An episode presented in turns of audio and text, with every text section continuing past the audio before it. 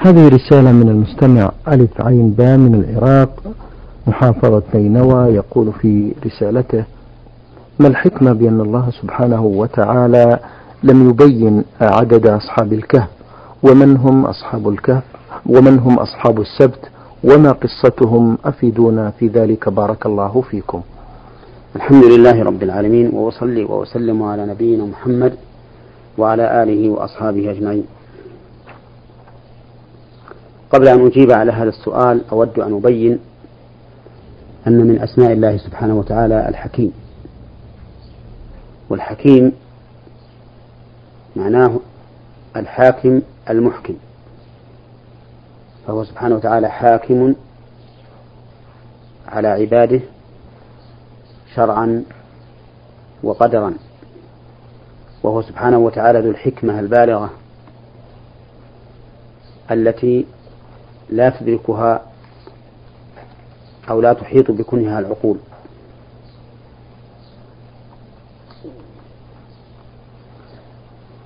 وما من شيء يقدره الله سبحانه وتعالى أو يشرعه لعباده إلا وله حكمة. لكن من الحكم ما نعلم منه ومن الحكم ما لا نعلم منه شيئا. لأن الله تعالى يقول وما أوتيتم من العلم إلا قليلا.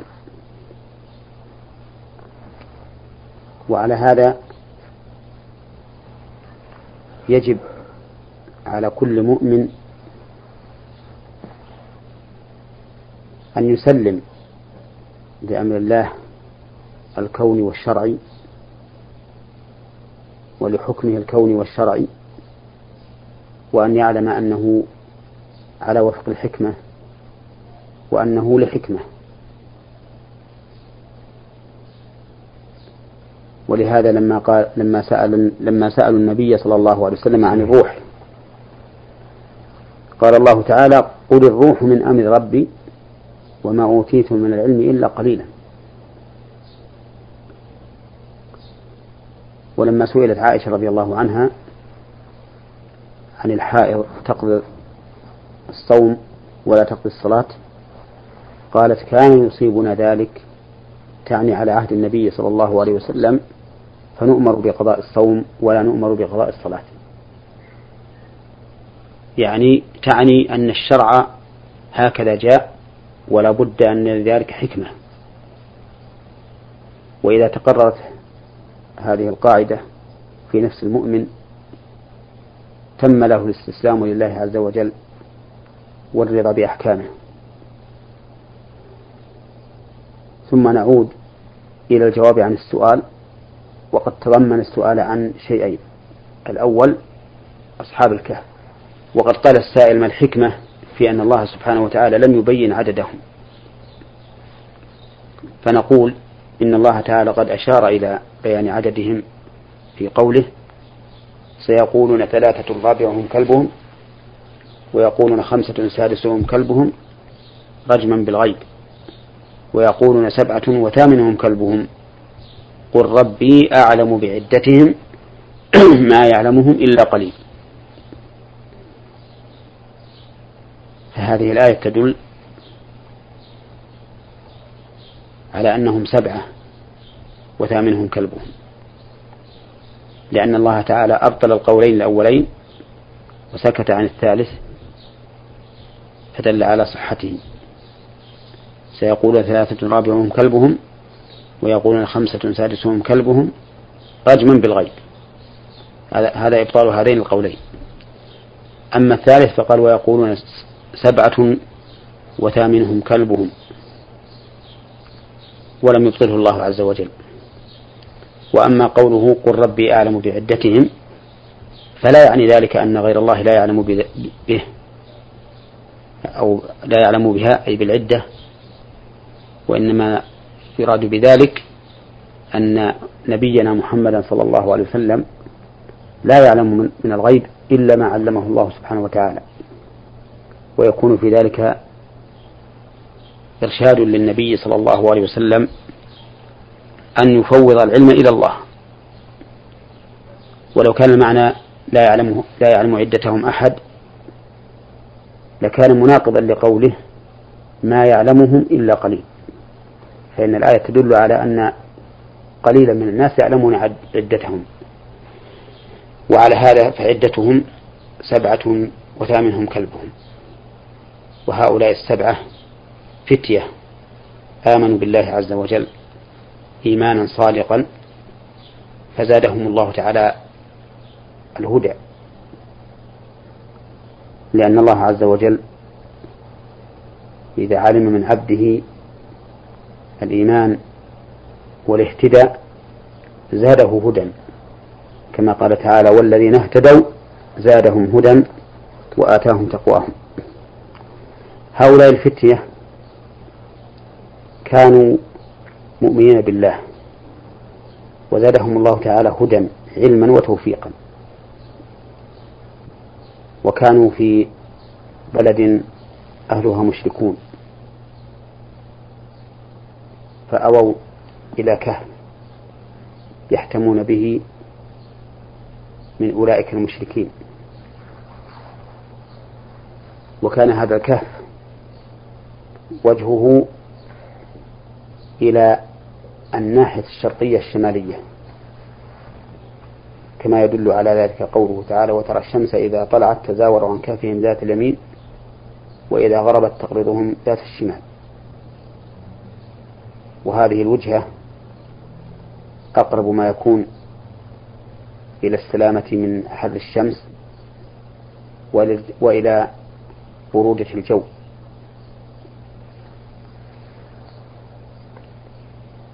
بقوا على ذلك ثلاثمائة سنين وازدادوا تسعا. والله عز وجل يقلبهم ذات اليمين وذات الشمال في نومهم هذا. وقد ألقى الله الرعب على من أتى إليهم. فقال كما قال تعالى لو اطلعت عليهم لوليت منهم فرارا ولملئت منهم رعبا. كل ذلك حماية لهم. ثم إن هؤلاء القوم بعد هذه المدة الطويلة أيقظهم الله من رقادهم ولم يتغير منهم شيء لا في شعورهم ولا في أظفارهم ولا في أجسامهم بل الظاهر والله أعلم أنه حتى ما في أجوافهم من الطعام لم ي... قد بقي على ما هو عليه. لم يجوعوا ولم يعطشوا لأنهم لما بعثهم الله عز وجل تساءلوا بينهم. قال قائل منهم كم لبثتم؟ قالوا لبثنا يوما أو بعض يوم وهذا يدل على أنه لم يتغير منهم شيء.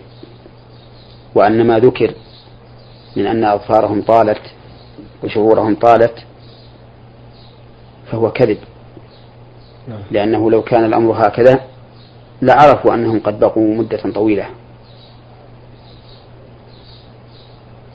هؤلاء القوم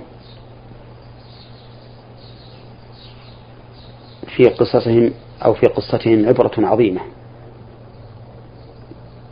حيث حماهم الله عز وجل من تسلط أولئك المشركين عليهم وأواهم في ذلك الغار. هذه المدة الطويلة من غير أن يتغير منهم شيء. وجعل سبحانه وتعالى يقلبهم ذات اليمين وذات الشمال لئلا تتأثر الجنوب التي يكون عليها النوم. وحماهم الله عز وجل بكون من اطلع عليهم. يولي فرارا ويملأ منهم رعبا.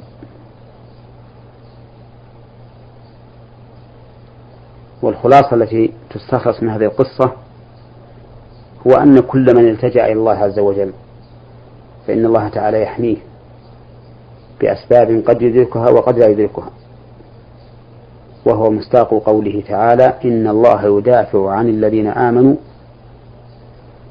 فإن مدافعة الله عن المؤمنين قد تكون بأسباب معلومة. وقد تكون بأسباب مجهولة لهم. فهذا يشدنا إلى أن نحقق الإيمان بالله عز وجل والقيام بطاعته. وأما أصحاب السبت فإن قصتهم أيضا عجيبة وفيها عبر. أصحاب السبت أهل مدينة من اليهود. حرم الله عليهم صيد الحيتان يوم السبت. وابتلاهم الله عز وجل. ابتلاهم حيث كانت الحيتان يوم السبت تأتي شرعا على ظهر الماء كثيرة.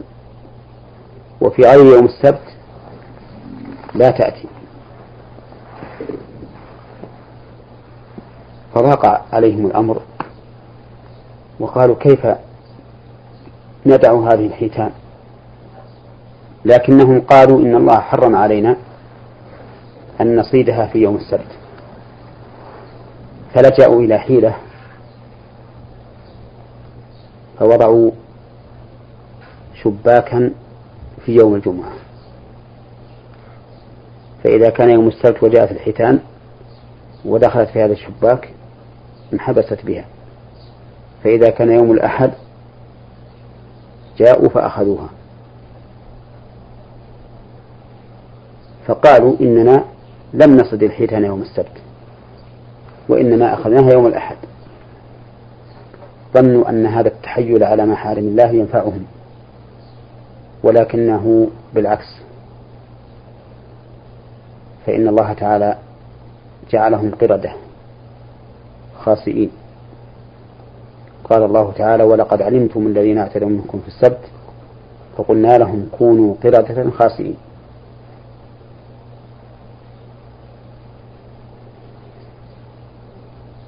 ففي هذه القصة من العبر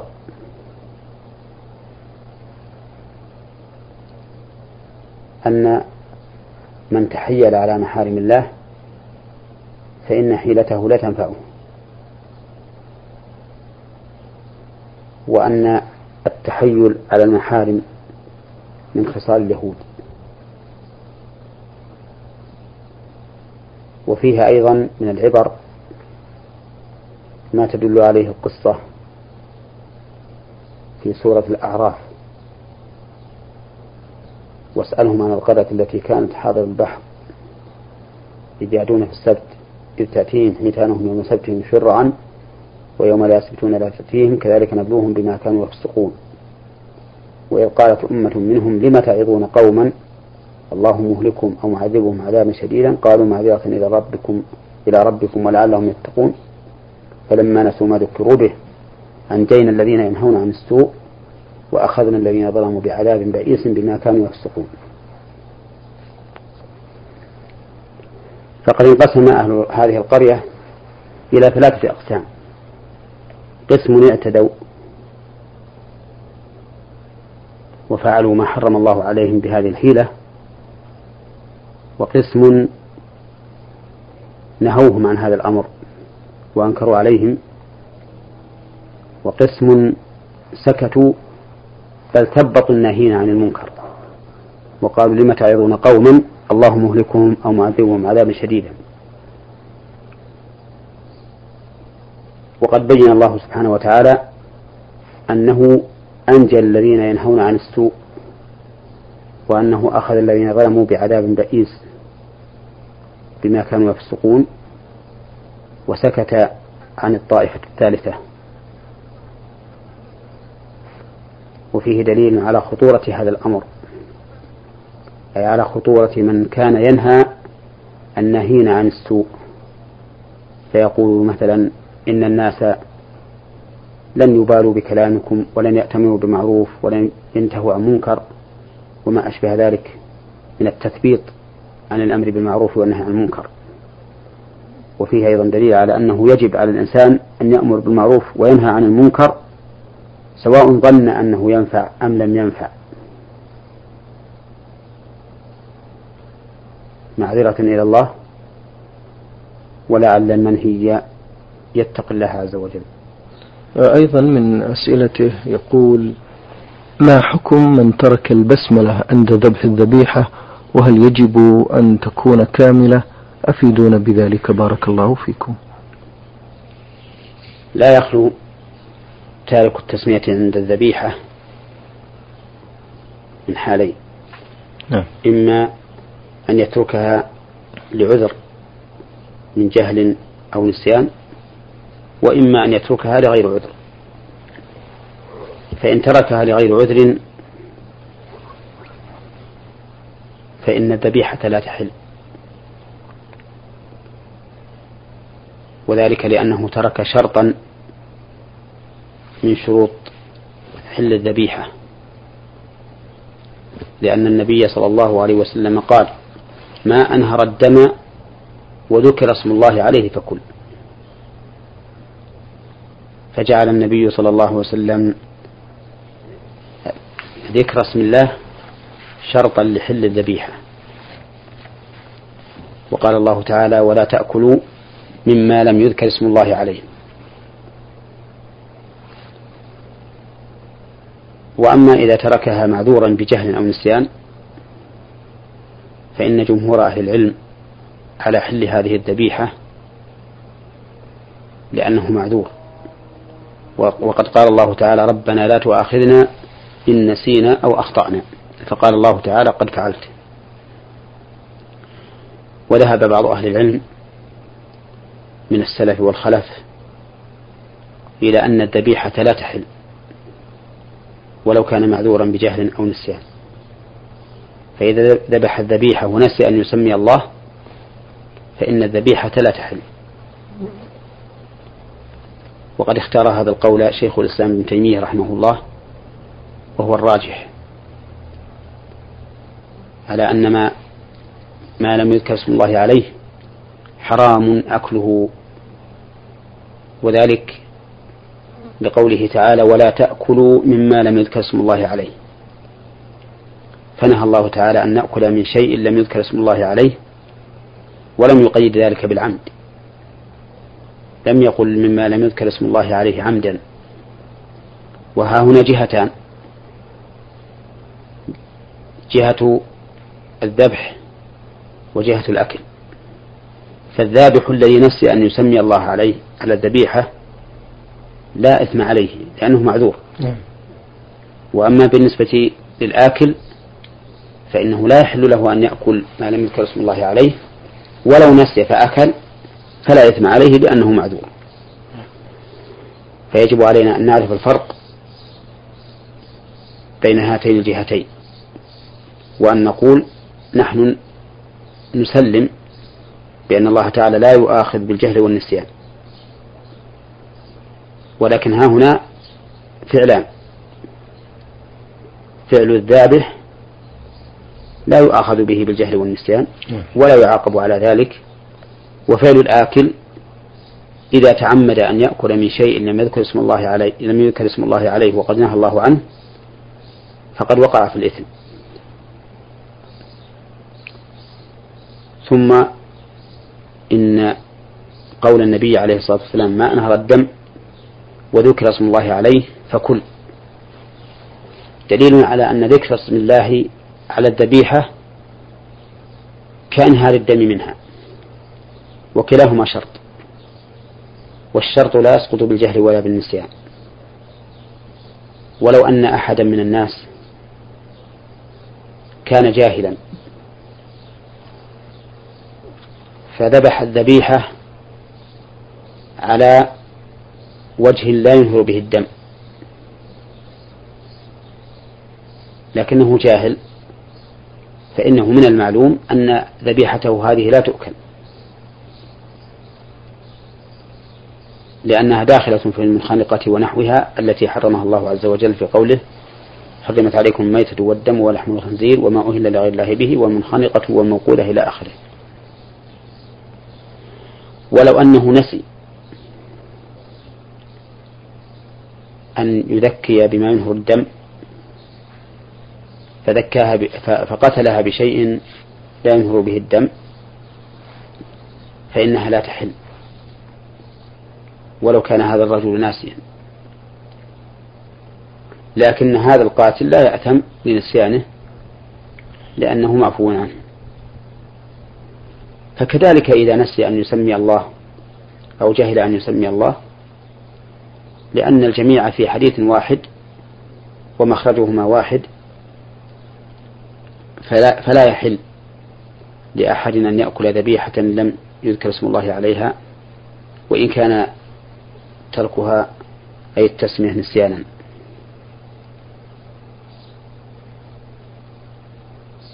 ولهذا لو أن الإنسان صلى بغير وضوء ناسيا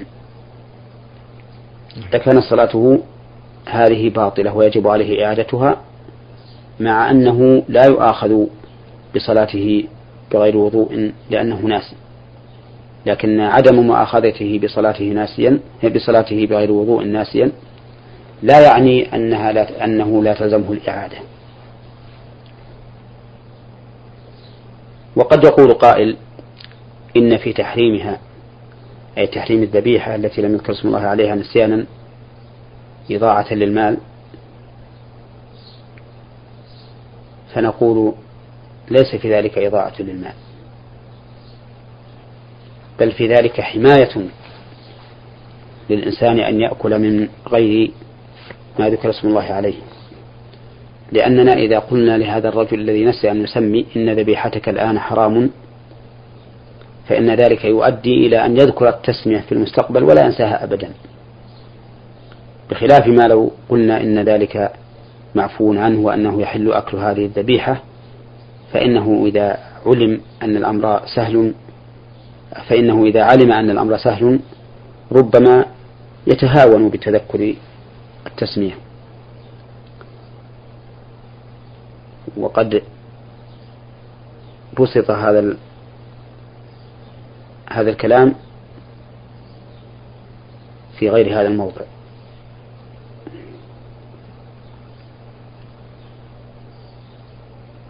وأما قول السائل هل تكمل التسمية أم لا فإن ظاهر النصوص أنها لا تكمل وأنه يكفي أن يقول بسم الله فقط. نعم.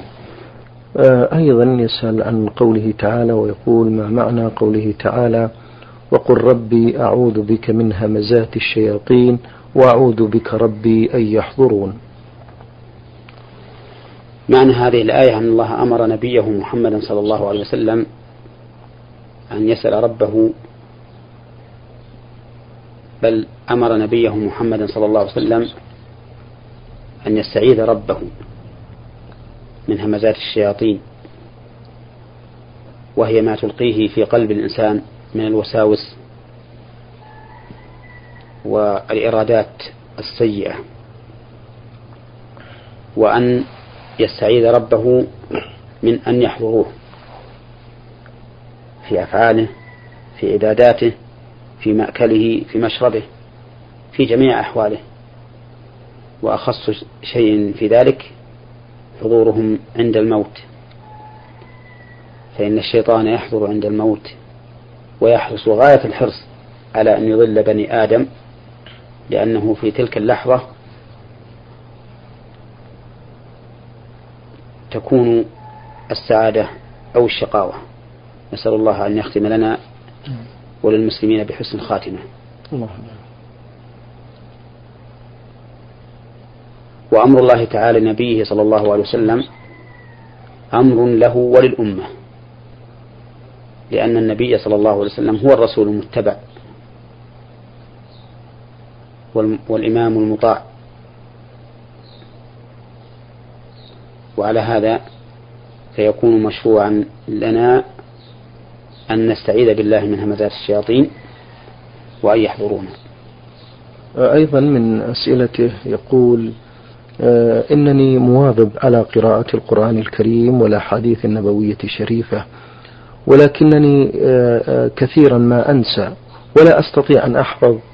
هل علي إثم في هذا؟ أفيدوني بارك الله فيكم. لا شك أن من نعمة الله على العبد أن يوفقه الله تعالى لحفظ كتابه عن ظهر قلب لما في ذلك من المصالح العظيمة. فإن الإنسان إذا كان حافظا لكتاب الله عن ظهر قلب أمكنه أن يتلوه على كل حال إلا في المواضع التي لا ينبغي فيها تلاوة القرآن أو في الأحوال التي لا يمكن فيها قراءة القرآن كحال الجنابة. وإذا كان حافظ القرآن عن ظهر قلب أمكنه أن يتدبر معانيه وأن يتذكر فيه كل وقت. ولهذا ينبغي للإنسان أن يحفظ كتاب الله عن ظهر قلب ما استطاع.